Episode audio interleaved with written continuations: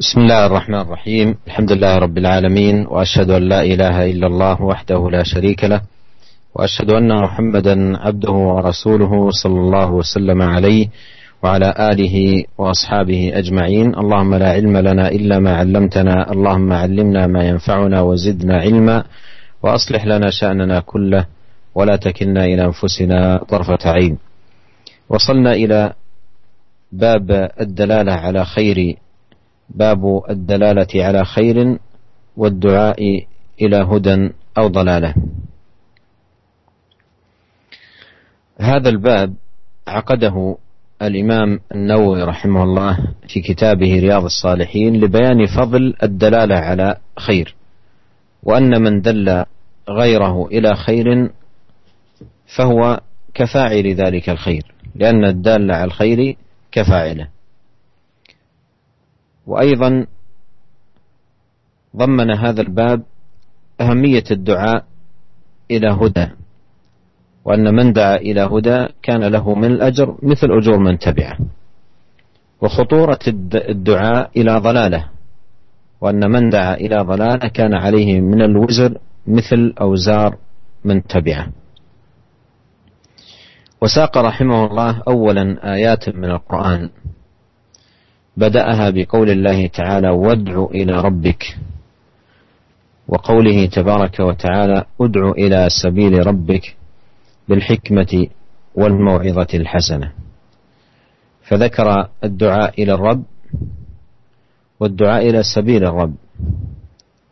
أما الدعاء إلى الرب فهو الدعاء إلى توحيده وإخلاص الدين له وإفراده بالعبادة والدعوة إلى معرفته بأسمائه وصفاته وعظمته وجلاله وأنه سبحانه وتعالى المتصرف المالك لهذا الكون لا شريك له.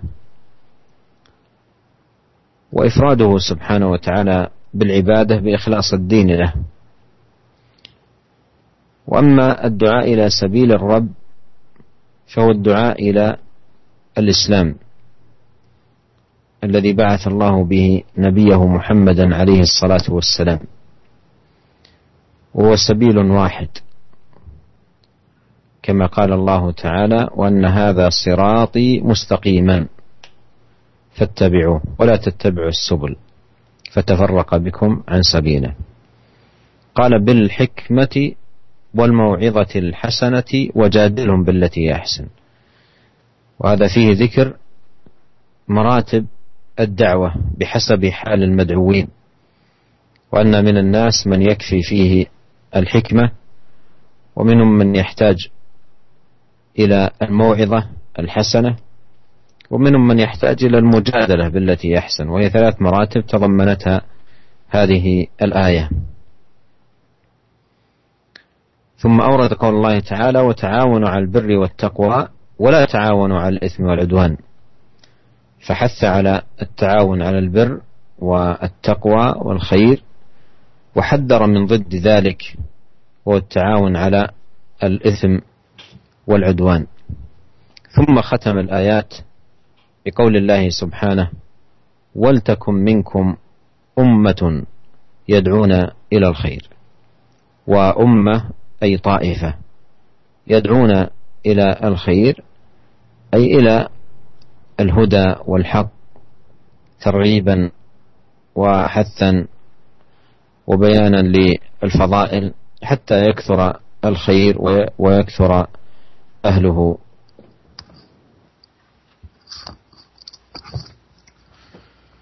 Bismillahirrahmanirrahim. Segala puji bagi Allah, Tuhan semesta alam, Saya bersaksi bahwasanya tidak ada yang berhak disembah kecuali hanya Allah. Tiada sekutu baginya. Dan bahwasanya Nabi Muhammad adalah hamba dan utusannya. Semoga Allah limpahkan salat dan salamnya kepada beliau, para sahabat, keluarga dan para pengikut beliau semuanya. Ya Allah, tidak ada ilmu kecuali yang Engkau ajarkan dan ajarkanlah kepada kami ilmu yang bermanfaat. Ya Allah, perbaikilah urusan kami semuanya dan janganlah biarkan diri kami tergantung pada diri kami sendiri meskipun hanya sebentar. Para pendengar sekalian, pada kesempatan sore hari ini kita akan membahas bersama dan meneruskan kajian kita dalam kitab Riyadhus Shalihin karya Imam Nawawi dan kita hari ini telah sampai kepada bab yang ke-20 yaitu babud dalalah ala khair wa du'a ila huda aw dhalalah yang artinya bab menunjukkan kepada kebaikan dan mengajak kepada petunjuk atau kesesatan. Ya. Dalam bab ini Imam Nawawi rahimahullah taala menjelaskan kepada kita tentang keutamaan menunjukkan kepada kebaikan. Dan bahwasanya barang siapa yang menunjukkan kebaikan, yang menunjukkan kepada kebaikan, maka dia akan mendapatkan pahala seperti pahala pelakunya.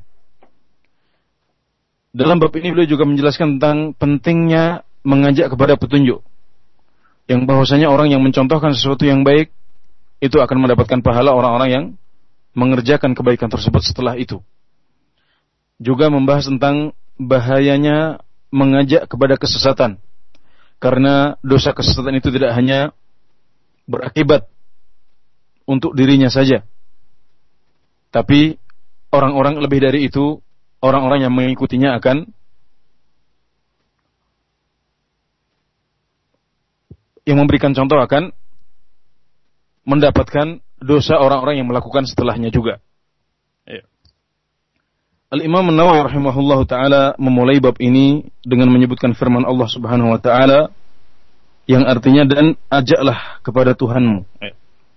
Kemudian juga dalam ayat yang lain dan ajaklah kepada jalan Tuhanmu dengan hikmah dan mau'izah hasanah dan berdebat dengan cara yang baik. Imam Nawawi rahimahullah taala memulai bab ini dengan menyebutkan dua ayat. Ayat yang pertama berisi perintah untuk mengajak kepada Tuhan, kepada Rob. Sedangkan ayat kedua mengajak kepada jalan Tuhan. Yang dimaksud mengajak kepada Rob adalah mengajak kepada tauhid kepada Allah Subhanahu wa taala.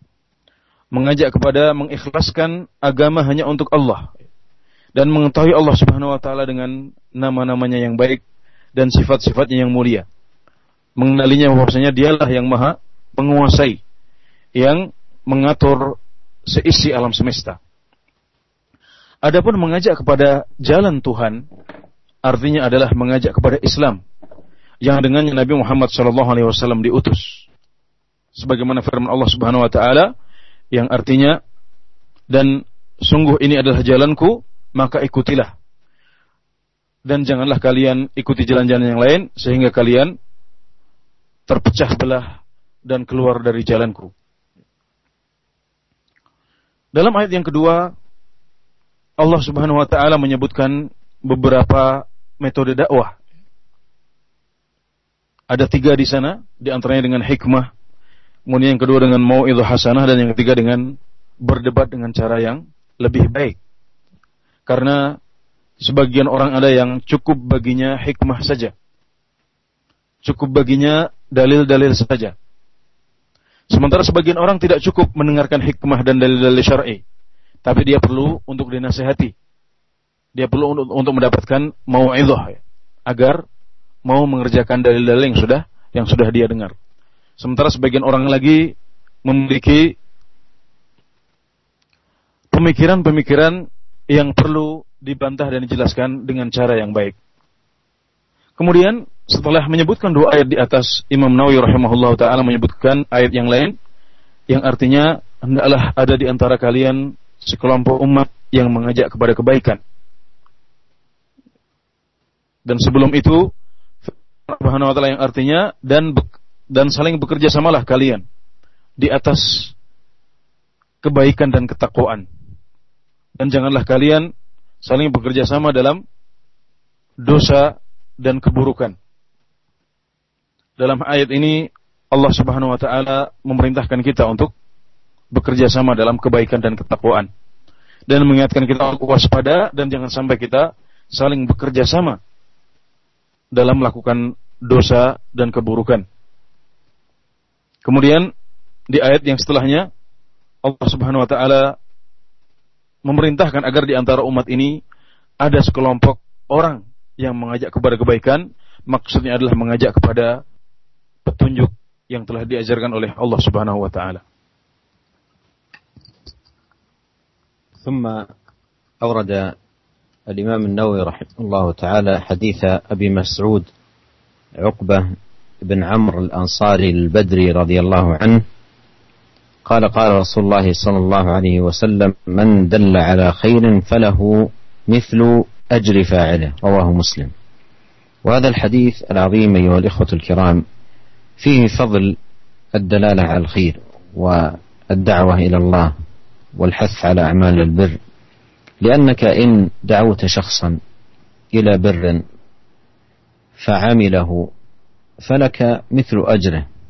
إن دعوته إلى صدقة أو دعوته إلى صلاة أو صلة أو غير ذلك من أعمال البر المتنوعة فإنه يكون لك مثل أجر الفاعل.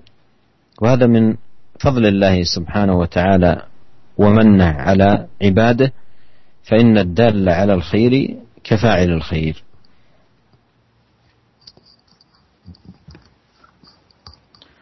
Kemudian penulis kitab ini menyebutkan sebuah hadis yang diriwayatkan oleh Muslim dari Abu Mas'ud Uqbah bin Amr Al-Ansari Al-Badri radhiyallahu anhu.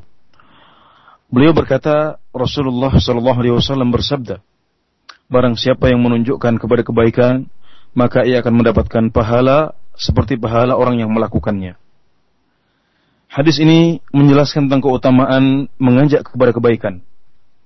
Keutamaan menunjukkan orang lain kepada kebaikan dan menganjurkan mereka kepada amalan-amalan yang baik. Di sini disebutkan bahwasanya barang siapa yang menunjukkan kepada kebaikan atau mengajak orang kepada kebaikan, maka ia akan mendapatkan pahala seperti pahala orang yang melakukannya. Jadi kalau kita mengajak orang kepada sodakoh atau sholat atau silaturahim, ya atau yang lain, amalan baik yang lain, maka kita akan mendapatkan pahala seperti yang telah mereka lakukan, pahala amal yang telah mereka lakukan itu. Dan ini adalah merupakan anugerah dan karunia dari Allah Subhanahu wa taala untuk hamba-hambanya di mana mereka bisa mendapatkan banyak pintu kebaikan, banyak cara untuk meraih pahala di sisi Allah Subhanahu wa taala. ثم أورد رحمه الله تعالى حديث أبي هريرة أن رسول الله صلى الله عليه وسلم قال: من دعا إلى هدى كان له من الأجر مثل أجور من تبعه لا ينقص ذلك من أجورهم شيئا. ومن دعا إلى ضلالة كان عليه من الإثم مثل آثام من تبعه لا ينقص ذلك من آثامهم شيئا. رواه مسلم. وهذا الحديث أيضا عظيم في هذا الباب باب الدلالة على الخير. والدعاء إلى الهدى والتحذير من الدعاء إلى الضلالة. فإن من دعا إلى هدى كان له من الأجر مثل أجور من تبعه. لا ينقص ذلك من أجورهم شيئا. وقوله من تبعه يتناول أتباع الذين أخذوا عنه ويتناول أيضا الذين أخذوا عن الأتباع إلى ما شاء الله. فإن هؤلاء كلهم له مثل أجرهم. لا ينقص من أجورهم شيء. وأيضا بالمقابل من يدعو إلى ضلالة مثل من يدعو إلى بدعة أو يدعو إلى منكر أو يدعو إلى فسق أو يدعو إلى فجور أو غير ذلك فإنه يبوء بإثم هؤلاء الذين اتبعوه وإثم أيضا الذين اتبعوا من اتبعوه. وقد مر معنا في الترجمة السابقة ليس من نفس تقتل ظلما إلا كان على ابن آدم الأول كفل من دمها لأنه كان أول من سن القتل. وهذا الحديث يفيدنا أن المتسبب بالفعل كالمباشر له. فالذي دعا إلى هدى تسبب فكان له مثل أجر من فعله. والذي أيضا دعا إلى ضلالة تسبب في فعلها فكان له مثل إثم من فعلها.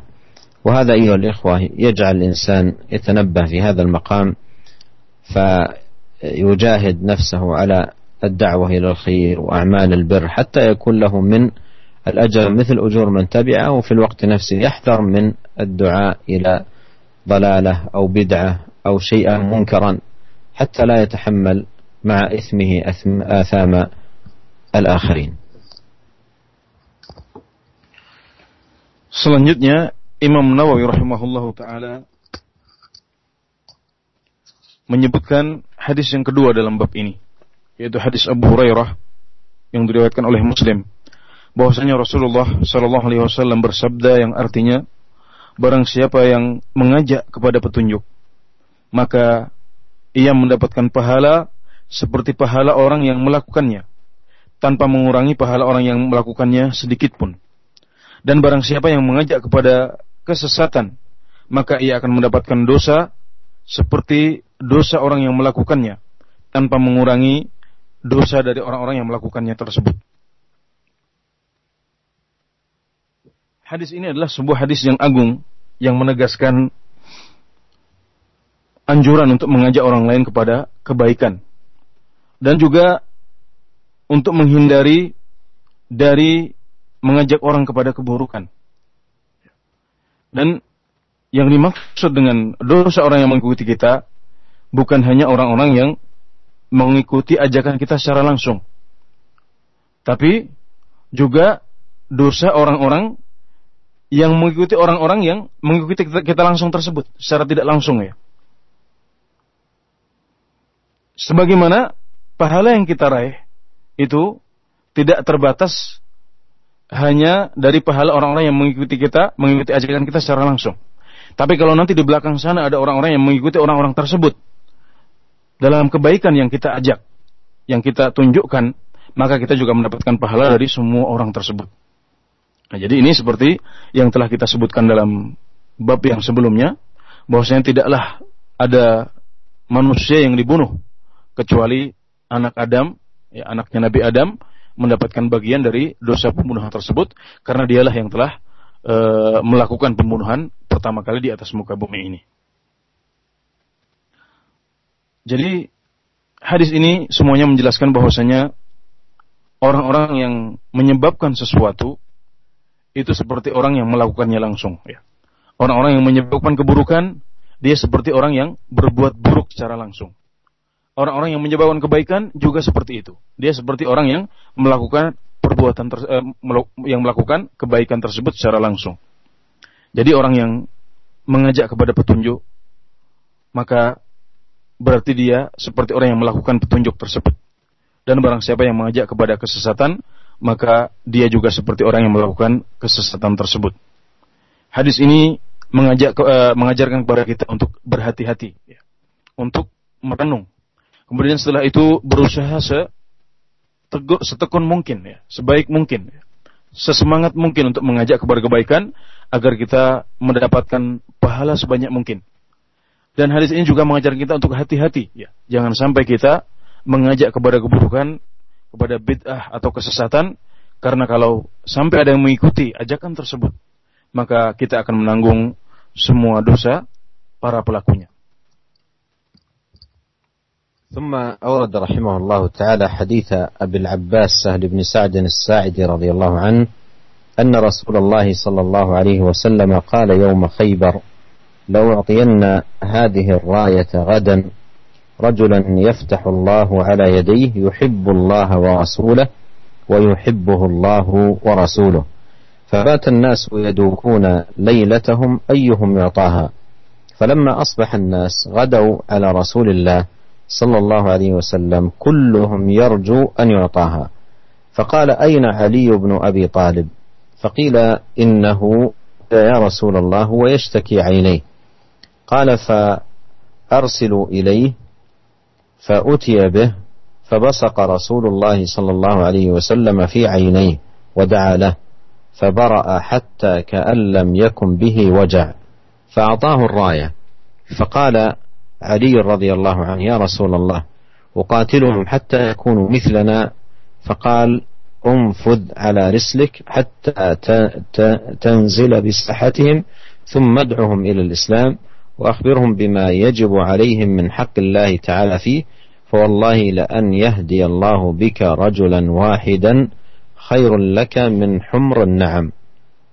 متفق عليه.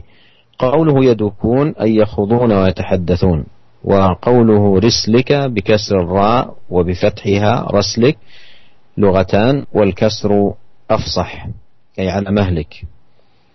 هذا الحديث حديث آه، سهل الساعدي رضي الله عنه. فيه فضل الدعاء إلى الخير وأن من آه، هدي على يديه رجل واحد فإن ذلك خير له من حمر النعم. وحمر النعم هي النوق الحمراء الجميلة وكانت أنفس ما يملكه العرب. والمعنى أي خير لك من الدنيا وما فيها. فلا شك أن هذا فيه فضل آه، الدعوة إلى الله وفضل الدعاة إلى الله وعظيم ثوابهم عند الله وأن هداية رجل واحد آه، يتحقق على يد عبد فهو خير له من الدنيا وما فيها. هذا ولا شك فضل عظيم والحديث فيه قصة. تتعلق بغزوة خيبر وفيه فضيلة علي بن أبي طالب رضي الله عنه ابن عم النبي صلى الله عليه وسلم. وفيه أيضا هذه المنقبة العظيمة لعلي وأيضا ما حقق الله وأجرى على يدي رسوله عليه الصلاة والسلام. قال فبصق في عينيه ودعا له فبرئ. وقوله ودعا له أي دعا الله له أن يشفيه. لأن الشفاء بيد الله لا يملك ذلك الرسول عليه الصلاة والسلام وإنما هو بيد الله. فدعا له أي دعا الله أن يشفيه فشفاه الله سبحانه وتعالى. الشاهد من الحديث ما فيه من فضل الدعوة إلى الله وأن هداية رجل واحد خير من حمر النعم.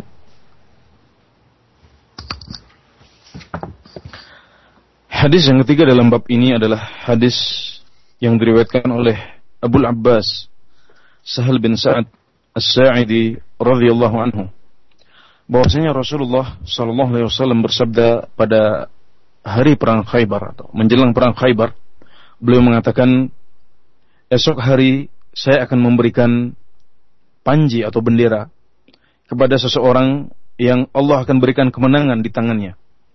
Dia mencintai Allah dan Rasulnya dan dicintai dan dicintai oleh Allah dan Rasulnya. Demikian ucapan Rasulullah Sallallahu Alaihi Wasallam. Maka malam itu para sahabat memperbincangkan hal tersebut.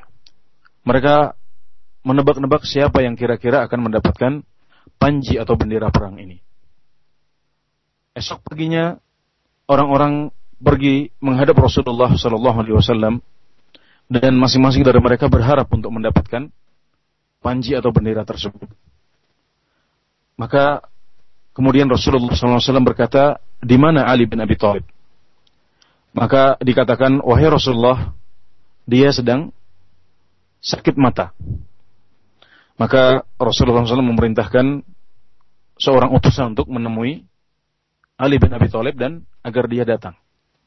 Maka Rasulullah SAW meludah ya, di kedua mata Ali bin Abi Thalib dan mendoakannya. Maka Ali bin Abi Thalib pun segera sembuh. Seolah-olah tidak pernah sakit sebelum itu. Kemudian Nabi Muhammad SAW memberikan panji perang kepada Ali bin Abi Thalib. Maka Ali berkata, wahai Rasulullah, apakah aku akan memerangi mereka sampai mereka menjadi seperti kita? Maka jawaban Rasulullah adalah, pelan-pelan wahai Ali, berangkatlah perlahan-lahan sampai engkau tiba di tempat mereka. Kemudian ajaklah mereka kepada Islam. Beritahu mereka tentang kewajiban-kewajiban mereka. Kasih tahu mereka tentang hak Allah atas mereka.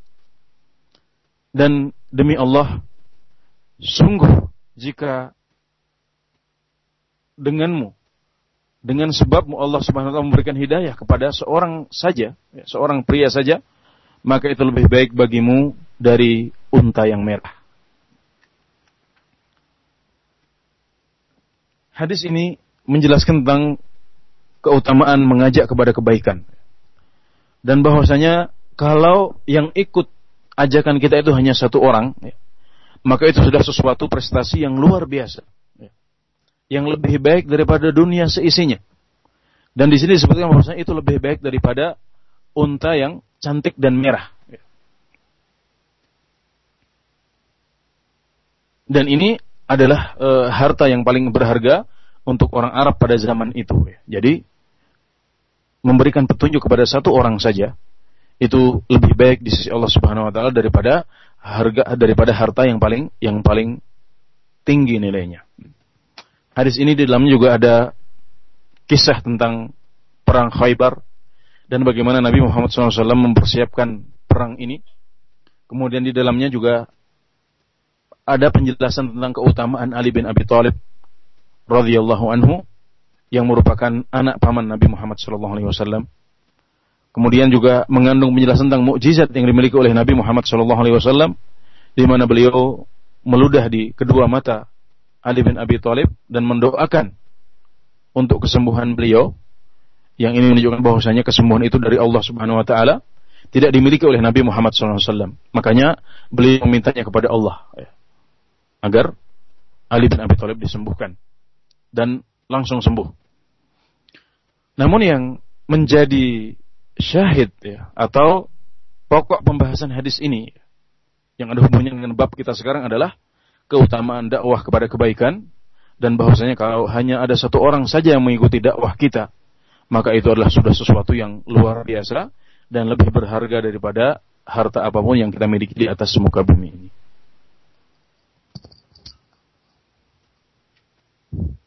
ثم ختم الإمام النووي رحمه الله هذا الباب بحديث أنس رضي الله عنه أن فتى من أسلم قال يا رسول الله إني أريد الغزو وليس معي ما أتجهز به قال أتي فلانا فإنه قد كان تجهز فمرض.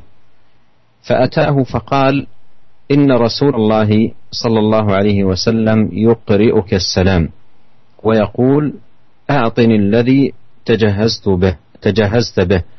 فقال يا فلانة ينادي أهله أعطيه الذي تجهزت به ولا تحبسي منه شيئا فوالله لا تحبسين منه شيئا فيبارك لك فيه رواه مسلم.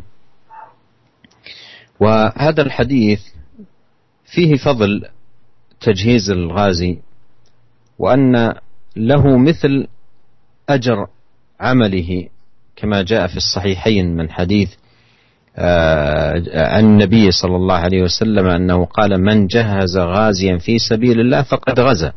أي أن له مثل أجره. وهذا الرجل آه، قد تجهز ولكنه مرض حبسه المرض. فدفع ما جهزه لنفسه كاملا لغيره. رجاء الأجر. ولا شك أن من كان كذلك فله آه، آه، آه، الأجر كاملا. لقوله عليه الصلاة والسلام في الحديث الآخر من جهز غازيا في سبيل الله فقد غزا. وبهذا يكون ختم الإمام النووي رحمه الله تعالى هذه الترجمة في الحث على الخير وفضل الدعاء إلى الهدى والتحذير من الدعاء إلى ضلالة. والله تعالى أعلم وصلى الله وسلم على عبده ورسوله نبينا محمد وآله وصحبه. Hadis yang keempat dan terakhir dalam bab kita ini adalah uh, hadis Anas bin Malik radhiyallahu anhu bahwasanya ada seorang pemuda dari kabilah Aslam yang berkata, "Wahai Rasulullah, sungguh aku ingin berperang atau berjihad, tapi tidak punya bekal untuk aku bawa dalam peperangan atau jihad ini. Maka Rasulullah SAW berkata kepadanya, datanglah kepada fulan, sesungguhnya dia telah mempersiapkan diri, kemudian dia sakit. Maka orang tersebut, pemuda tersebut datang kepada orang yang sakit ini dan berkata, sesungguhnya Rasulullah SAW menyampaikan salam kepadamu dan berkata atau memerintahkan untuk memerintahkan engkau untuk memberikan bekal yang telah engkau siapkan agar aku bisa berangkat berjihad. Maka ia pun berkata kepada istrinya, wahai istriku, berikanlah orang ini bekal yang sudah aku siapkan dan jangan sisakan sedikit pun. Karena demi Allah, kalau engkau menyisakan sedikit pun, maka Allah tidak akan berikan barokah pada sisa itu. Ya, hadis ini menunjukkan kepada kita bahwasanya barang siapa yang memfasilitasi sebuah kebaikan, maka dia akan mendapatkan pahala kebaikan tersebut. Barang siapa yang menjadi penyebab sebuah kebaikan, maka dia akan mendapatkan pahalanya juga. Sebagaimana disebutkan dalam sebuah hadis yang diriwayatkan oleh Al-Bukhari dan Muslim. Yang artinya barang siapa yang menyiapkan seorang pejuang, ya, barang siapa yang menyiapkan seorang mujahid, ya, maka berarti dia telah berjihad. Berarti dia telah berjuang. Ya. Hadis ini jelas menunjukkan hal tersebut dan dengan demikian kita telah sampai kepada hadis terakhir yang disebutkan oleh Imam Nawawi dalam bab ini, yaitu bab menunjukkan kepada kebaikan dan mengajak orang lain kepada petunjuk atau kesesatan. Demikian Allah Ta'ala alam. Semoga Allah limpahkan salawat dan salamnya kepada Nabi Muhammad, keluarga dan para sahabat serta pengikut beliau semuanya. Jazakallah khair kami ucapkan kepada Fadilat Syekh Abdul Razak Hafizahullah Ta'ala dan Al-Ustaz Anas Burhanuddin Hafizahullah Ta'ala yang telah menerjemahkan muhadar kita pada kesempatan sore hari ini dan selanjutnya bagi para pendengar roja kami berikan kesempatan bagi Anda untuk berinteraktif secara langsung dan di line telepon 0218236543 silahkan. Satu pertanyaan pesan singkat kami angkat lebih dahulu. Ya Syekh Assalamualaikum warahmatullahi Barakallahu fiqh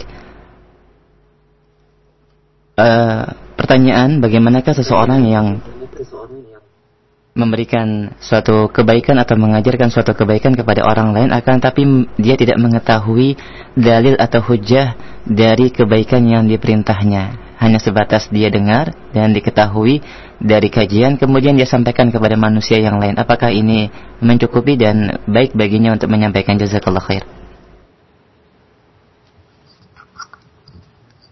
يقول شوف يعني إذا سمي أحدا منا دليلا على خير في درس من الدروس ثم دعونا غيرنا إلى إلى ذلك الخير بدون أن نحفظ الأدلة هل يكفينا ذلك؟ وهل بذلك نحصل على أجر الدعوة إلى الله يقول الله سبحانه وتعالى قل هذه سبيلي أدعو إلى الله. على بصيرة أنا ومن اتبعني. والدعوة على بصيرة هي بعلم. والعلم هو الدليل. كلام الله وكلام رسوله عليه الصلاة والسلام. ولكن إذا كان الإنسان عرف فضيلة ما وتأكد منها وسمع الدليل عليها فذكرها لغيره وحثه عليها أو أيضا محرما من المحرمات. يعني مثلا الخمر علم حرمته وعلم أيضا وجود الدليل على ذلك في القرآن والسنة ولم يحفظ شيئا. ولقي شخصا وقال له الخمر حرام وفي القرآن آية تدل على تحريمه والسنة حديث وأحاديث تدل على تحريمه. واتق الله. ف لا شك أنه بهذا قد دعا إلى هدى وأيضا حذر من محرم. لكن لا بد من التأكد ولا بد أيضا من العناية بالأدلة والأحاديث وحفظها وإبلاغها للناس لأن العلم هو هذا قال الله قال رسوله صلى الله عليه وسلم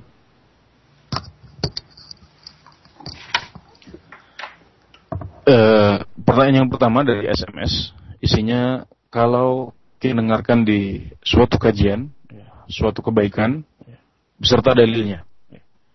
Tapi kita tidak menghafal dalil-dalil tersebut. Kemudian kita mengajak orang lain kepada kebaikan tersebut, apakah itu sudah cukup? Dan apakah dengannya kita bisa mendapatkan pahala yang dijanjikan dalam hadis-hadis yang sudah kita bahas? Dijawab oleh Syekh bahwasanya Allah Ta'ala telah berfirman yang artinya, katakanlah, inilah jalanku Aku mengajak kepada Allah atas dasar ilmu.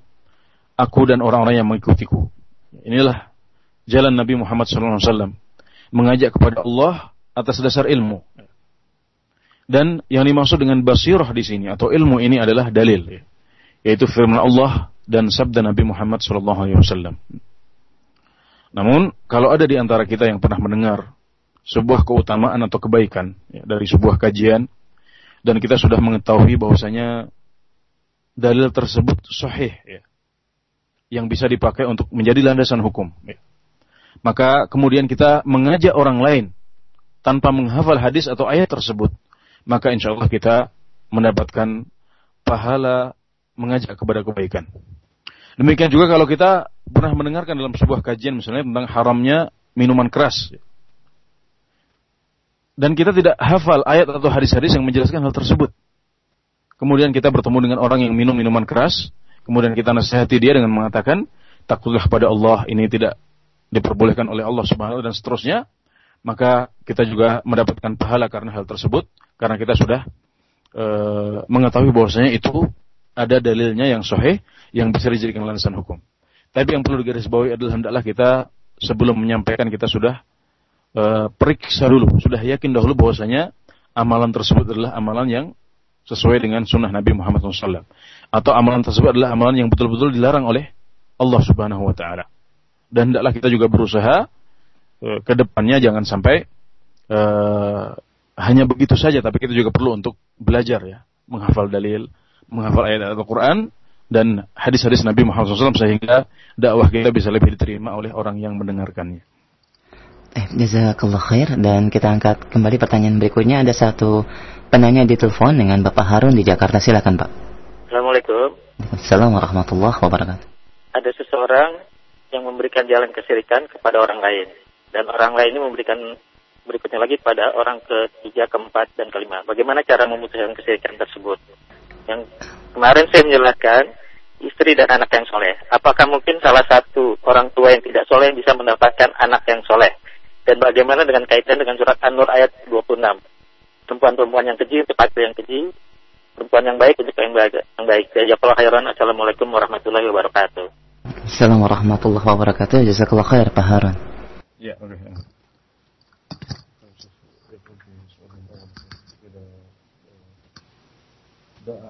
الشرك.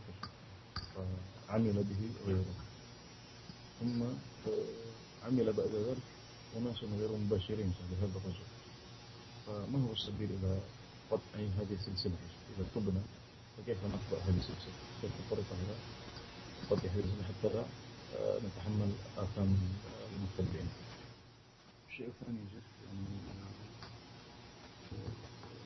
قد نجد في بعض الأحيان أن رجلا صالحا عنده امرأة غير صالحة. فكيف نربط هذا بقوله سبحانه وتعالى؟ صالحين. طيبون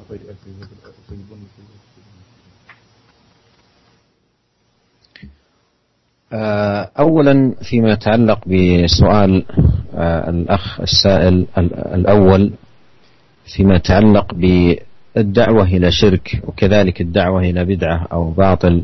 يقول إذا دعا شخص إلى شرك أو إلى بدعة ثم الآخر دعا آخر وهكذا. يقول كيف آه، نقطع هذا التسلسل ونوقف هذا الباطل؟ أولا هذا السؤال يدل على الخير وعلى إرادة إرادة الخير. وأسأل الله عز وجل أن يوفق هذا السائل وأن يوفقنا جميعا للسلامة من الباطل والدعوة إليه وأن يجعلنا دعاة حق وهدى آه، إنه سبحانه وتعالى سميع مجيب. أقول بين يدي الإجابة على سؤاله. إن الله تعالى يقول ليحملوا أوزارهم كاملة يوم القيامة ومن أوزار الذين يضلونهم بغير علم ألا ساء ما يزرون. وهذه الآية فيها دلالة على خطورة الأمر أن من يدعو إلى ضلالة شرك أو بدعة أو معصية سيتحمل إثم نفسه وإثم من اتبع وإثم من اتبع من اتبع إلى يوم القيامة. ولا شك أن هذه أوزار متراكمة وحمول كثيرة وليست بالهينة. ولا شك أن من تورط في ذلك يجب عليه أن يتدارك نفسه. أولا هو بالتوبة من ذلك الشرك والباطل. وثانيا بالبيان.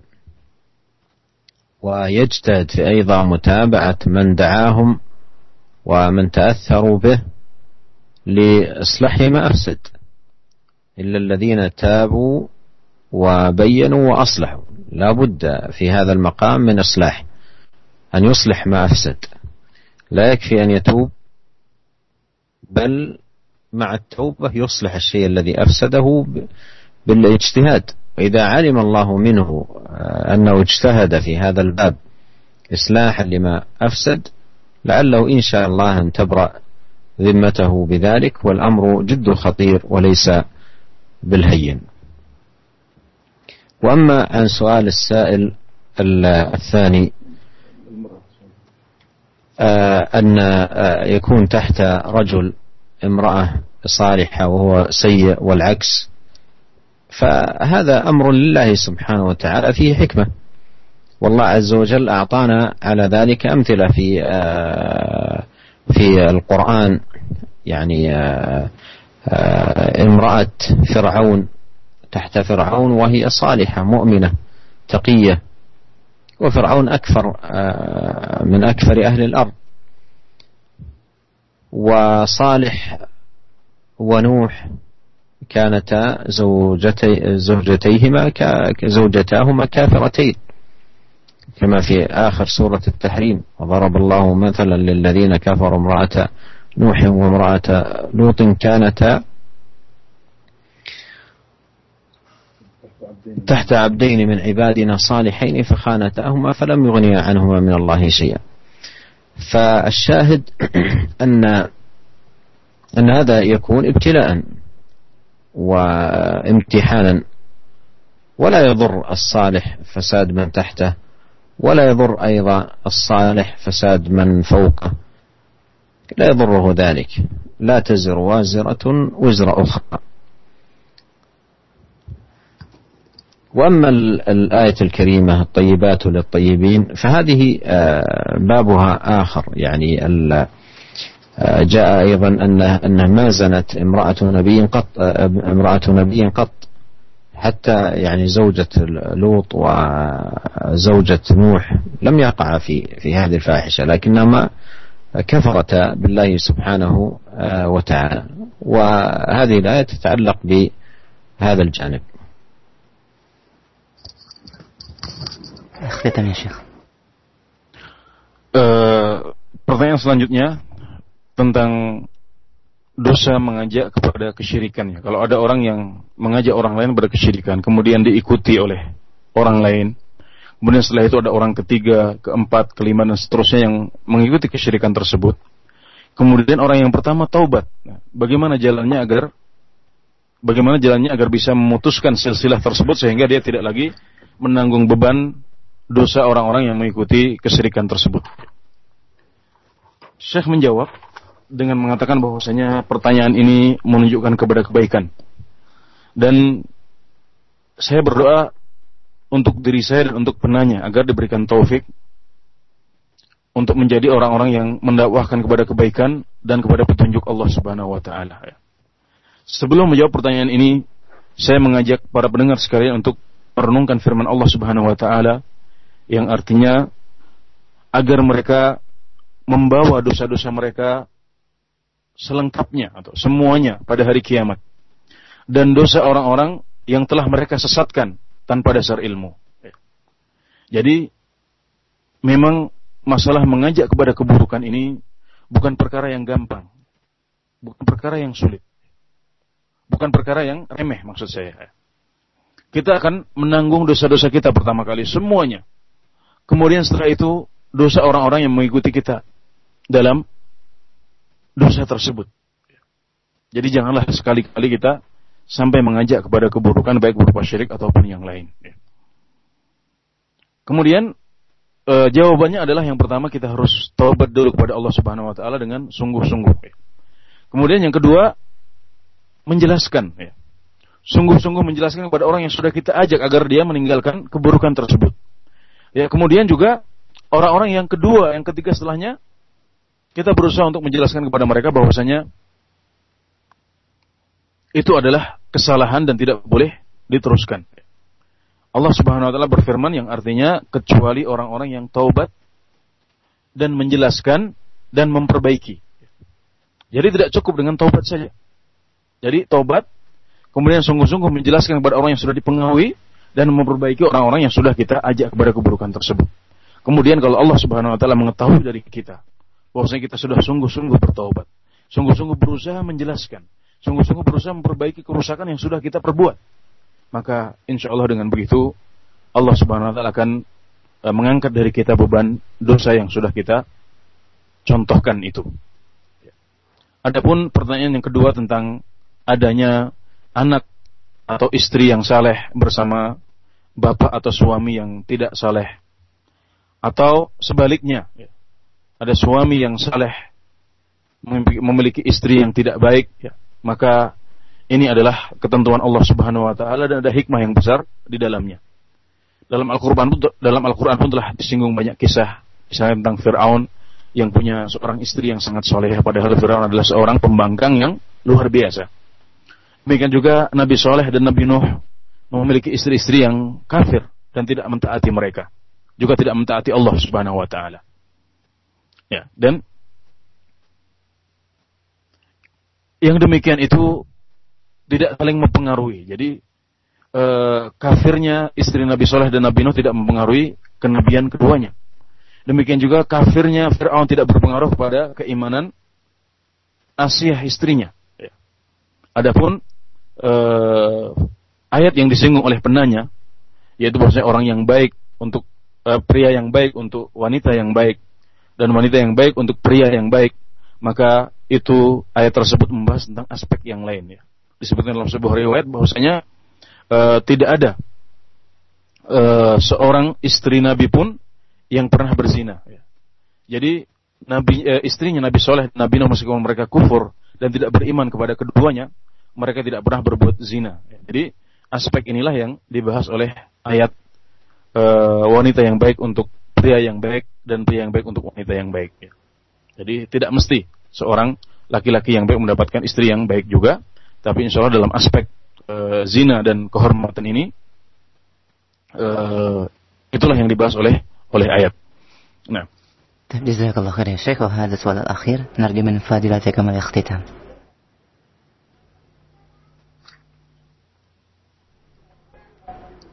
نسأل الله عز وجل الكريم رب العرش العظيم بأسمائه الحسنى وصفاته العليا أن ينفعنا جميعا وإياكم بما سمعنا وأن يجعل ما سمعناه حجة لنا لا علينا وأن يصلح لنا شأننا كله. إنه سميع قريب مجيب. وجزاكم الله جميعا خير الجزاء. والسلام عليكم ورحمة الله وبركاته. وعليكم السلام ورحمة الله وبركاته.